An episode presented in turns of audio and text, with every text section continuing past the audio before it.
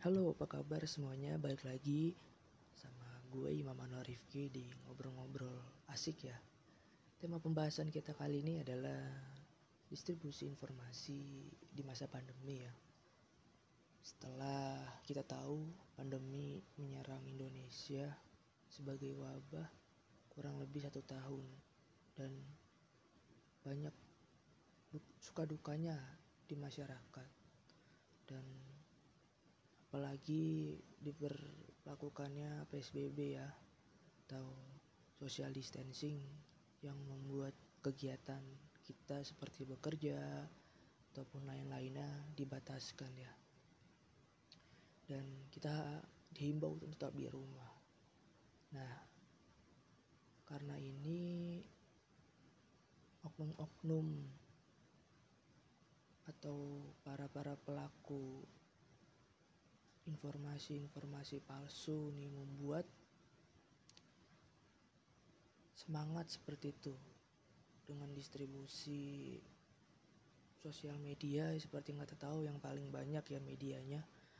Ini para pelaku pelaku isu-isu hoax lebih menitik beratkan informasi mereka ke dalam media sosial seperti itu.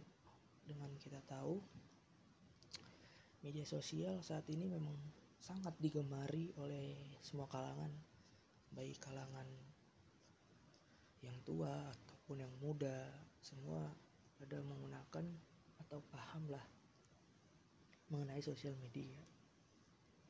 Dan karena itu di masa pandemi ini banyak sekali kasus-kasus ataupun pemberitaan hoax ya yang beredar di sosial media ataupun website website website informasi lainnya seperti itu. Dan semuanya hanya isu-isu hoax gitu untuk mencerai beraikan masyarakat kita. Sebenarnya sih bukan mencerai beraikan.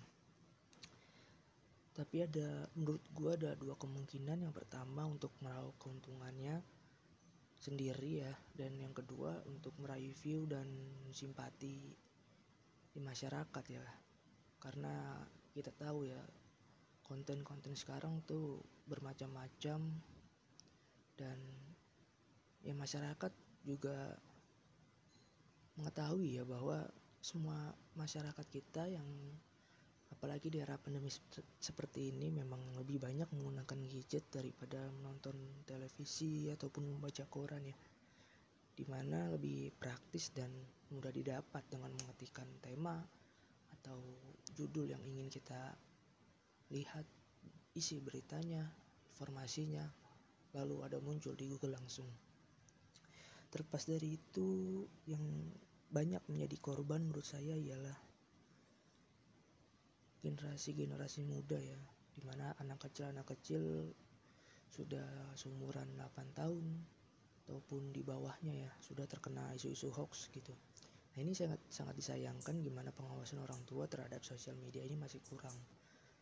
Oleh karena itu menurut saya sosial media ini harus dibimbing oleh dari orang tua oleh anak-anak seperti itu ya agar anak-anak tuh tidak terik, terikat atau, atau mengkonsumsi isu-isu hoax yang beredar di masyarakat karena ini bisa membahayakan untuk dirinya sendiri maupun orang lain seperti itu ya.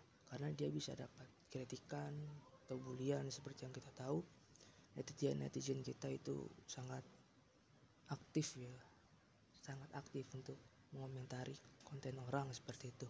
Dan pendistribusian ini harusnya di pemerintahan sendiri harus difilter seperti itu. Tidak asal masuk masuk masuk. Nah ini yang menjadi sorotan penting menurut saya bagi pemerintah bagaimana memfilter berita-berita atau informasi-informasi yang hoax di kalangan masyarakat agar masyarakat tetap bisa mengkonsumsi berita atau informasi secara sehat dan tentu kebenarannya itu akurat seperti itu.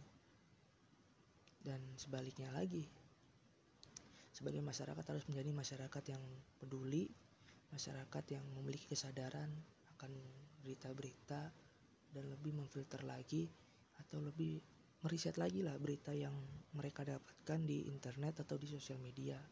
Seperti itu. Oke mungkin itu aja. Kita lanjut ke pembahasan berikutnya di kesempatan lain ya. Sampai jumpa lagi. Ngobrol-ngobrol asik di lain waktu. Oke terima kasih